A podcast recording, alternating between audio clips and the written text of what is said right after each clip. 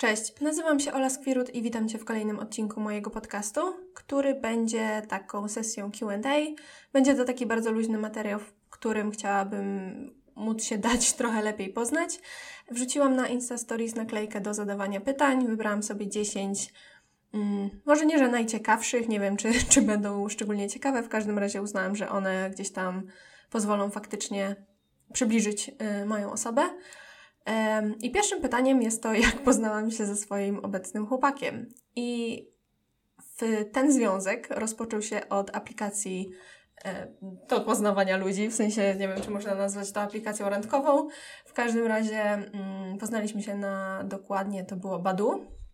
E, I co ciekawe, też jakby mój poprzedni związek zaczął się dokładnie w ten sam sposób, czyli od aplikacji randkowej. Ja jestem ogólnie turbofanką tego konceptu z uwagi na oszczędność czasu yy, i z uwagi na to, że tak jakby możemy dosłownie po 20-30 minut dziennie po prostu poprzeglądać aplikacje i no potencjalnie trafić na kogoś ciekawego, potencjalnie trafić na kogoś, kto będzie nam po prostu odpowiadał swoją osobą. Um, ja rok temu, um, gdzieś właśnie w okolicy maja, czerwca, tak uznałam, że kurczę, no jakby brakuje mi trochę ludzi, brakuje mi ludzi na zasadzie nawet popisania sobie.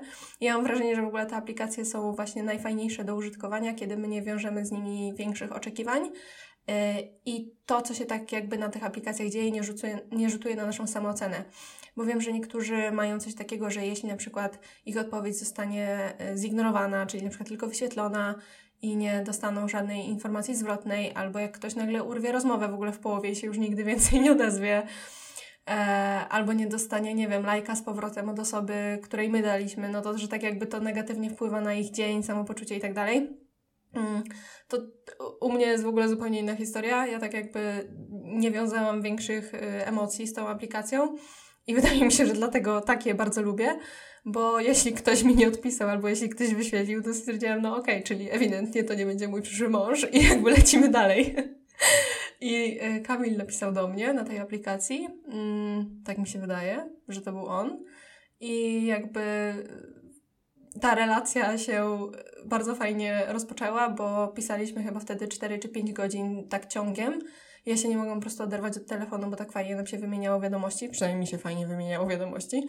I myślę, że takim dobrym predyktorem tego, że faktycznie coś z tego może być, było to, że śmiałam się bardzo dużo razy tak na głos tych, po tych kilku wiadomościach, a to jest raczej rzadka rzecz, żeby tak natrafić na kogoś, kto ma podobne poczucie humoru i tak jakby nadaje na tych samych falach.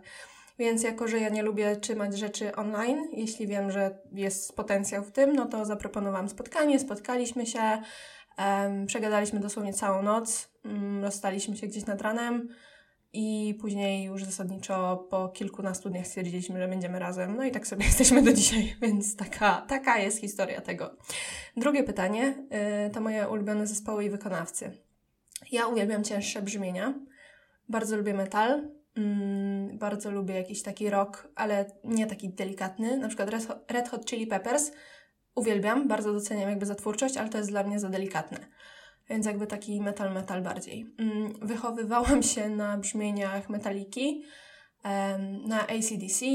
Mm, później jakby, jak już mój gust muzyczny zaczął się rozwijać, to to było bardziej coś w stylu Bring Me The Horizon, Korn, um, Sleeping With The Sirens, i w sumie to są takie zespoły, które mi przychodzą na myśl tak bardzo szybko. E, ale ja równie dobrze, jakby dobrze się bawię słuchając y, Nicki Minaj, Beyoncé, Lady Gagi. Jakby naprawdę zasadniczo wiele twórców, wiele różnych gatunków lubię. Natomiast moje serce jest związane ściśle z muzyką cięższą, z cięższymi brzmieniami. E, z takiej polskiej sceny mm, bardzo lubię Sariusa.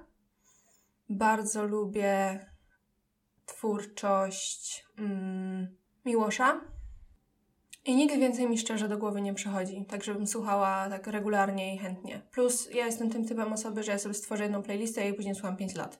I zasadniczo dopiero jak mi na przykład Spotify albo YouTube zasugeruje jakiś nowy kawałek, to jest szansa wtedy, że dołączy ten kawałek do mojej playlisty, będę go odtwarzać 30 razy z rzędu, a później nie będę mogła go słuchać przez kolejny miesiąc i tak, i tak to u mnie wygląda. Um, Kolejne pytanie dotyczy trzech zasad, jakimi się kieruję w życiu, i ja takich zasad nie mam. To znaczy, musiałam się zastanowić chwilę o tym, co powiem, bo jakby nie mam czegoś takiego, że wytyczyłam sobie swój jakiś taki własny, nie wiem, um, schemat postępowania w życiu, jakieś takie własne wytyczne.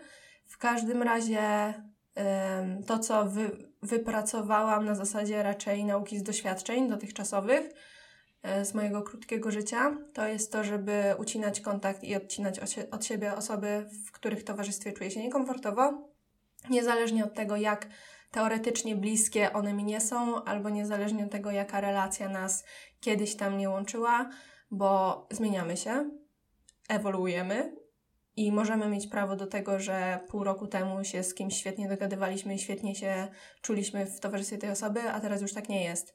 I tak jakby staram się nadążać za tym, za, za tymi swoimi zmianami i tak jakby nie tkwić w czymś takim, że powinnam chcieć spędzać czas z jakąś osobą, że powinnam odwiedzać jakąś osobę, że powinnam pytać, co tam u jakiejś osoby, bo jeśli ja się nie czuję dobrze w jej towarzystwie z różnych powodów, z różnych względów i ta relacja mi nie służy, to się dystansuję albo się w ogóle odcinam.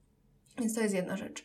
E, druga rzecz, jaką się kieruję w życiu, to to, że ocena innych ludzi na mój temat jest tak jakby wynikiem, no raz, oczywiście tego, co ja robię, tego, co ja mówię, ale dwa, filtru, przez jaki ta osoba patrzy na świat. W sensie, ja nie mam wpływu na to, jakie ktoś miał doświadczenia, jakie ktoś ma przekonania, jakie ktoś ma poglądy, z jakim założeniem ktoś jakby wychodzi i zderza się z moją osobą po raz pierwszy na przykład w internecie. Więc tak jakby to, co ktoś mówi albo myśli na mój temat, traktuję bardzo z dystansem. Jestem ogromnie wdzięczna za każdy feedback, za każdą konstruktywną krytykę, która mi pozwala tworzyć po prostu bardziej pomocne, bardziej e, wartościowe treści. Natomiast no nie jest to jakby coś, co szczerze biorę sobie do serca i coś, co mi, nie wiem, mogłoby na przykład przeszkadzać tworzyć dalej. I trzecia rzecz to jest dbanie o swoje zdrowie psychiczne. Mm, na zasadzie takiej, że wiem doskonale, kiedy się czuję przebodźcowana. Już jakby doszłam do tego, co ja muszę robić regularnie, żeby mieć dobry nastrój, żeby mieć dobre samopoczucie, żeby mieć energię do działania, żeby tak jakby e, regularnie rozładowywać pewne takie napięcie, które się we mnie gromadzi w związku z rzeczami, które po prostu regularnie robię. I sen, czytanie książek, e, przytulanie i generalnie kontakt fizyczny, czułość – to są rzeczy, które ja muszę mieć y, praktycznie codziennie, w większej lub w mniejszej dawce, żebym czuła się dobrze. I o to dbam najbardziej na świecie. W sensie jestem w stanie zrezygnować z nauki do egzaminu, żeby położyć się spać wcześniej. Ja nie jestem typem i nigdy nie byłam typem zarywacza nocek, bo jak ja się nie prześpię, jak ja się nie wyśpię, to ja jestem na drugi dzień nie do życia. E, I mam po prostu beznadziejny nastrój, wszystko mnie denerwuje, wszystko mnie doprowadza do szału, nie jestem w stanie skupić się na niczym. E, chce mi się płakać cały czas i jakby muszę się wyspać. Oczywiście to nie jest tak, że czasem jak pośpię 5 godzin, to na drugi dzień nie funkcjonuje, ale jakby zmierzam do tego, że dla mnie moje dobre samopoczucie było zawsze najważniejsze. I, I to się nie zmieniło i o to dbam niezmiennie do tego dnia.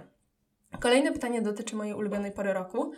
I moja ulubiona pora roku to jest wiosna, ale taka późna. W sensie to jest taki przełom wiosna-lato. Zima mogłaby dla mnie nie istnieć. Nienawidzę, jak jest zimno. Nienawidzę, jak jest um, taka. Jak to nazwać? Różne są określenia na to. Jak napada na przykład deszcz na śnieg i jest takie nie wiadomo co za oknem. W sensie, że chodzi się beznadziejnie, buty się robią mokre w ciągu po prostu kilku sekund. E, jest tak pochmurnie, jest taka szaruwa. Nienawidzę. E, lubię, jak sobie czasem popada, na przykład właśnie w tym lecie, jak jest jakaś burza porządna ale generalnie jestem team tak 23-25 stopni, mm, pełne po prostu słońce, najlepiej czyste niebo albo trochę chmurek, trochę wiatru i mogłoby tak dla mnie być przez cały rok. Jesień ma oczywiście swoje atuty, ma swoje walory jakby estetyczne, no bo liście są przepiękne i, i cały ten taki klimat, że skakujemy pod kocyk z jakąś gorącą czekoladą albo herbatą, oglądamy filmy i w ogóle to też jest spoko, ale jesień to jest dla mnie totalny winner. I tak sobie myślę, że mogłabym kiedyś mieszkać w, w kraju, który ma taki mniej więcej klimat jak Australia. Madera wydaje się być y, genialna, bo tam, przynajmniej z tego co wiem, może akurat mówię jakieś głupoty w tym momencie, bo nie zweryfikowałam tego, ale tam jest chyba tak, że jest wiosna przez cały rok. Tak właśnie taka, coś w stylu wiosny przez cały rok. To, to jest totalnie mój vibe. Yy, następne pytanie dotyczy mojego miejsca zamieszkania. I ja w tym momencie yy, mieszkam w Krakowie. I tutaj studiowałam też, ukończyłam trzyletnie studia, yy, pierwszy stopień dietetyki na Uniwersytecie Jagiellońskim. I tutaj planuję generalnie mieszkać, chyba że mi się coś nagle odmieni, bo nie wykluczam opcji, że za trzy miesiące stwierdzimy z chłopakiem, że się gdzieś przeprowadzamy, albo w ogóle wylatujemy za granicę i pomieszkamy sobie za granicą, więc jakby zobaczymy, co nam tam odbije, ale w tym momencie planujemy generalnie się tutaj w tym Krakowie osadzić. Uwielbiam Kraków, kocham Kraków. I jedno jeszcze miejsce, które bym rozważała do mieszkania w Polsce, albo właściwie dwa, to jest Gdańsk i Wrocław. Te dwa miasta po prostu ubóstwiam. A pochodzę z Podkarpacia, z Dębnicy. E, Kolejne pytanie dotyczy tego, kim chciałabym, kim chciałam być w dzieciństwie. I ja szczerze nie pamiętam jakby zawodu konkretnego, mm, który chciałabym wykonywać. W sensie nie kojarzę czegoś takiego, że na przykład chciałam być aktorką, chciałam być nie wiem, malarką, e, sportsmenką, jakąś projektantką i tak dalej. O nie, nie, wydaje mi się, że w sumie chciałam chyba kiedyś przez jakiś krótki okres czasu grać tak zawodowo w coś, na przykład w piłkę ręczną, w jakiejś takiej drużynie i jakby zarabiać na tym i jakby to robić w życiu. Później przez myśl mi przeszło i w sumie to mi dalej krąży, żeby mm, trenować innych, na przykład organizować, sobie, organizować jakieś zajęcia grupowe, bo uwielbiam jakby takie klimaty. Ale zawsze po prostu odkąd pamiętam, i nie wiem, czy to był okres wczesnego liceum, czy to jeszcze gimnazjum, że chciałam mieć swój kanał na YouTubie. I strasznie mi się podobało, bo ja w ogóle uwielbiam to, to medium społecznościowe, moje zdecydowanie ulubione. Na YouTubie to ja spędziłam chyba największy odsetek swojego życia, oprócz grania w Simsy, ale no, z tych mediów społecznościowych. W Simsy i w Call of Duty w sumie, no, grałam nałogowo w podstawówce. Nieważne. E, I ten kanał na YouTubie to myślę, że jest coś, co ja zrealizuję w ciągu najbliższych dwóch lat, tylko tak się zbieram bardzo opornie do nauki montowania filmów i i tak dalej. Ale jako, że jestem osobą, która jakby wyznaje zasadę, że lepsze zrobione niż doskonałe, no to podejrzewam, że to prędzej czy później tak nastąpi i nie będę tego odwlekać w nieskończoność. Więc chciałam być chyba youtuberką, ale nie pamiętam, czy ja o tym myślałam w kontekście, że zarabiania pieniędzy, zresztą nie wiedziałam, ile można na tym zarobić, e, tylko bardziej w kontekście właśnie nagrywania takich vlogów z dnia, tak jakby dzielenia się różnymi właśnie tipami. I nie miałam pojęcia, że jakby będę na studiach gdzieś tam rozkręcać swój profil i dzielić się takimi treściami edukacyjnymi, więc bardziej myślałam o tym YouTubie w kontekście takiego lifestyle'u, ale no podejrzewam, że gdybym teraz się zdecydowała, to byłaby głównie merytoryka i trochę lifestyle'u. Raczej tak by to wyglądało. Eee, kolejne pytanie dotyczy mojej ulubionej kawy i to jest... To jest dobre pytanie. Myślę, że to by było americano. Nie wiem, czy to się mówi americano czy americana. W każdym razie, no, taka kawa. Najlepiej z dodatkowym espresso. I nie za duża i nie za mała. I to jestem po prostu piki totalnie, bo jak mam za dużo i te duże kawy w kawiarniach to jest zazwyczaj taka mm, pojemność 400 ml, 450, to to już mnie męczy. Nie dopiję takiej kawy, więc zazwyczaj robię tak, że biorę średnią i po prostu proszę o dodatkowe espresso. Więc to jest zdecydowanie czarna, yy, bez mleka chyba, że mam w lodówce mleko bez laktozy i piję sobie gdzieś tam po południu, tak do, do czegoś słodkiego, na przykład to z laktozą, z mlekiem tfu, mi dużo bardziej smakuje, natomiast tak normalnie to czarna. Następne pytanie dotyczy tego, jak znalazłam swoją działkę w dietetyce i co interesuje mnie najbardziej. I to jest takie trochę może interesujące będzie dla części z Was, bo ja w ogóle nie myślałam, idąc na dietetykę, że ja będę kiedykolwiek tworzyć coś związanego z zaburzeniami odżywiania i ja jak tworzyłam, zresztą to wszystko jest na profilu, można sobie przeskrolować do tego i wrócić. Ja jak tworzyłam dwa lata temu infografiki, jak gdzieś tam to wszystko rozkręcałam, zaczynałam, hmm, chociaż Instagrama prowadzę o, już długo, długo, to opierałam się na takich infografikach na zasadzie ile co ma kalorii, porównywanie porcji, jakieś takie w ogóle rzeczy, które mnie teraz totalnie nie interesują, wręcz przeciwnie. E, natomiast wtedy uznawałam, że to jest właśnie przydatne, że tak powinno się tworzyć grafiki, jak się jest na dietetyce i tak jakby zupełnie nie miałam swojego stylu i jakby takich swoich wartości też może wypracowanych, ale to jest normalne, bo jakby to przychodzi z czasem. W każdym razie dążę do tego, że przez myśl mi nie przeszło, żeby tworzyć w temacie zaburzeń odżywiania, żeby tworzyć takie treści psychodietetyczne i tak dalej. I myślę, że też szkolenie psychodietetykę w praktyce u Magdy Hajkiewicz-Mielniczuk mi tak trochę przybliżyło w ogóle to, czym jest psychodietetyka. I na tym szkoleniu właśnie byłam dwa lata temu w październiku, jeśli dobrze kojarzę. I od tego momentu miałam takie okej, okay, to to jest ciekawe, mogłabym coś chcieć w tym robić. I później było tak, że mój były partner mnie zachęcił któregoś dnia, żebym napisała coś od siebie na tym Instagramie, żebym tak nie szła w te infografiki i tak jakby nie tworzyła rzeczy, które mi się wydaje, że ja powinnam robić, tylko napisała po prostu coś takiego od serducha i dała się poznać. No i byłam sceptycznie nastawiona, bo sobie myślałam, ale co kogo interesuje moje życie? I, I, mam tak do dzisiaj, do tej pory, w sensie, że jakby mam opór przed dzieleniem się takimi prywatnymi rzeczami, takimi jakimiś rozkminami, bo wychodzę z założenia, że jak chcę, chcę tworzyć treści takie pomocne i merytoryczne i jakby dawać to, po co jesteście ze mną, a nie tak zanudzać po prostu swoimi jakimiś rozkminami życiowymi. No ale jakby wzięłam tą jego poradę do serca i stwierdziłam, no dobra, no to spróbujemy.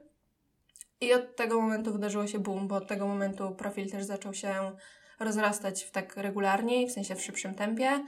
I przede wszystkim jakby zaczęliśmy wchodzić w interakcję, w sensie napływały do mnie wiadomości, że o ja też tak mam, o wow, dziękuję, że o tym piszesz. E, no i wtedy zauważyłam po prostu, że gromadzę osoby, nieświadoma w ogóle tego wtedy, które mają problem z tym, z czym ja się borykałam te kilka lat temu. A dla mnie zaburzenia odżywiania generalnie nie były tematem tabu, jak już z nich wyszłam. No jak w nich byłam, tak jakby jak one trwały, no to nie miałam pojęcia, że mam zaburzenia odżywiania.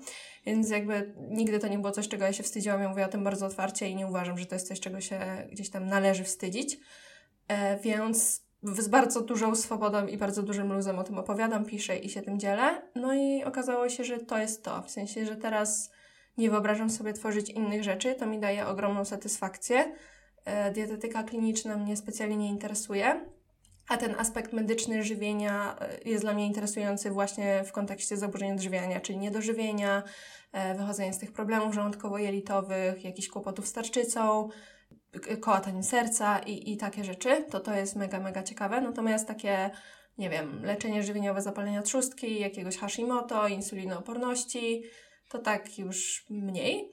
A najmniej mnie w ogóle interesuje odchudzanie innych i jakby w tym się to mnie nie jara, w tym się nie odnajduję, w tym się nie czuję, więc jakby naprawianie relacji z jedzeniem, naprawianie trochę głowy, bo na tym to się opiera, naprawianie tego, co my myślimy o jedzeniu, co my myślimy o jedzeniu w kontekście nas, o, o ruchu, o aktywności fizycznej, o swoich ciałach. To jest bardzo ciekawe. Z tym, że no też jakby kompetencje mnie jako dietetyka, dietetyczki i przyszłej psychodietetyczki się w którymś momencie kończą, więc ja sobie też zdaję z tego sprawę oczywiście i Najczęściej jest tak zresztą, że osoby, z którymi współpracuję, są w trakcie terapii albo regularnie się konsultują z różnymi specjalistami od zdrowia psychicznego, więc tak jakby no, nie, nie, nie wychodzę poza swoje kompetencje, przynajmniej staram się tego nie robić, jeśli się orientuję już, że coś takiego jest. Więc jak znalazłam swoją działkę podsumowując, posłuchałam mojego byłego partnera i wrzuciłam posta od serca. I tak to się dalej potoczyło, więc no, wskazówki od innych jak najbardziej fajnie gdzieś tam wziąć do siebie, nawet jeśli nam się wydaje, że to może nie jest coś do końca trafionego, bo totalnie nigdy nie wiemy, jaki to będzie miało odbiór, jaki to będzie miało feedback. Następne pytanie dotyczy tego, co cenię w innych ludziach. I tutaj mogę po prostu rozwodzić się bardzo długo i mówić o tym bardzo długo, ale skróciłabym to do autentyczności, szczerości mm, i bycia sobą. Ale bycie sobą się zasadniczo zazębia z autentycznością, więc może powiedziałabym um, realizowanie swoich pasji i zajawek. W sensie uwielbiam, jak ktoś mówi A i jakby robi B, że nie ma czegoś takiego, że o, jak ja bym chciała, jak ja bym, nie wiem, um, jak mi strasznie zależy na czymś, ale później jakby nie jest nic robione w kierunku tego. A ta osoba narzeka, że oczywiście chciałaby wszystko, ale no nie robi w tym kierunku nic. To, to mnie drażni. Natomiast jeśli jest ktoś, kto faktycznie robi rzeczy, o których mówi i po prostu nie rzuca pustych słów na wiatr, to ogromnie to doceniam, ogromnie to szanuję, yy, bardzo, bardzo to lubię. Autentyczność dlatego, że spotkać osobę, która jest prawdziwie sobą, to jest rzadkość. Spotkać osobę, która nie udaje kogoś, kim nie jest, w obawie przed jakąś oceną i tak dalej, to jest ogromna rzadkość. I ja sobie zdaję sprawę też, że to często nie jest tak jakby kwestia dobrowolnego i uświadomionego wyboru, tylko bardziej po prostu właśnie strachu przed oceną, strachu przed odrzuceniem. No i nie będę się w to zagłębiać, bo to nie jest moja rola. W każdym razie, jak trafię na taką osobę, która nie wstydzi się być sobą, jest tak przerażająco po prostu wręcz do granic możliwości, do bólu e, sobą, wyznaje swoje wartości, mówi to, co tam chce. Oczywiście trzymając jakieś tam zasady funkcjonowania w społeczeństwie, no nie? Ale kocham, po prostu kocham.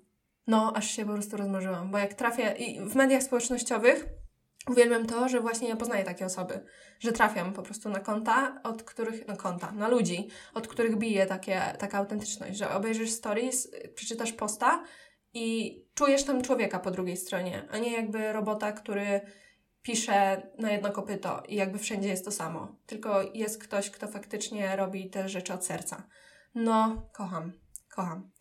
I ostatnie pytanie dotyczy tego, jakie mam podejście do mediów społecznościowych. I ja kocham media społecznościowe, uwielbiam, no tworzę jakby w nich i jakby pracuję w nich i to one umożliwiają mi bycie w miejscu, w którym jestem tak naprawdę, bo bez nich to, to nie mam pojęcia, co bym robiła.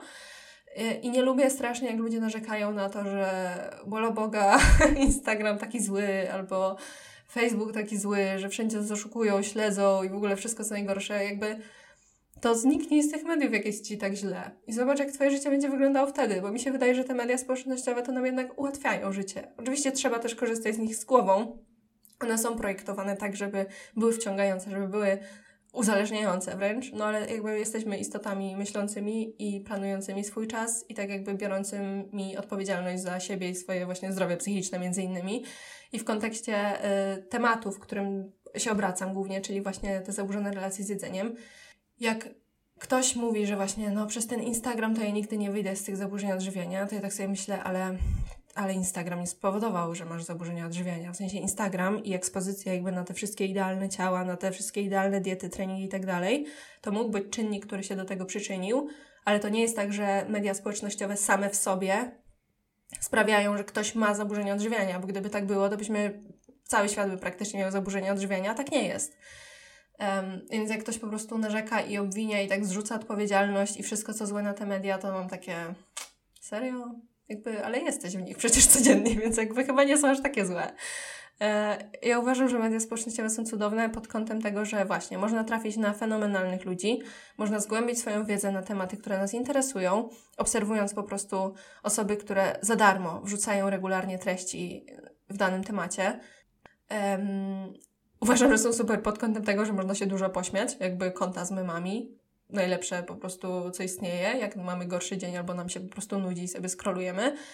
I jeśli korzystamy z tych mediów społecznościowych umiejętnie, robimy regularnie czystki, zastanawiamy się, czy śledzimy kogoś, nie wiem, dla tego, co postuje, dla tego, jak wygląda, dla tego, co robi, dla tego, jaką wartość wnosi do naszego życia, jesteśmy po prostu tak jakby krytycznie myślimy, korzystając z tych mediów społecznościowych, to ja mi się wydaje, że one po prostu mogą być e, cudowne i fenomenalne. I ja je uwielbiam. I tak jak wspomniałam wcześniej, moim ulubionym jest zdecydowanie YouTube. Najbardziej, najlepiej mi się pracuje na Instagramie, bo po prostu mam to najbardziej obcykane.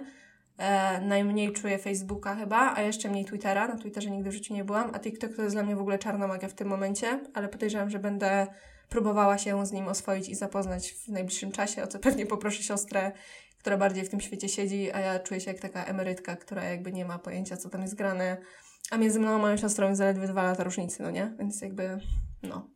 Ale ja się czuję po prostu mentalnie 10 lat starsza. Dobrze, to jest koniec tego odcinka. Bardzo dziękuję za wszystkie zadane pytania. Jeśli przyjdzie Ci na myśl jeszcze jakieś, na które nie odpowiedziałam, a chciałabyś, żebym udzieliła Ci na nie odpowiedzi, to zostaw je w komentarzu na YouTubie pod tym materiałem, pod tym odcinkiem. Na Spotify i na Apple Podcast nie ma takiej możliwości. Bardzo Ci dziękuję za spędzenie tych ilu minut, od ilu minut gadam? Tych 25 minut ze mną i do usłyszenia za tydzień. Cześć!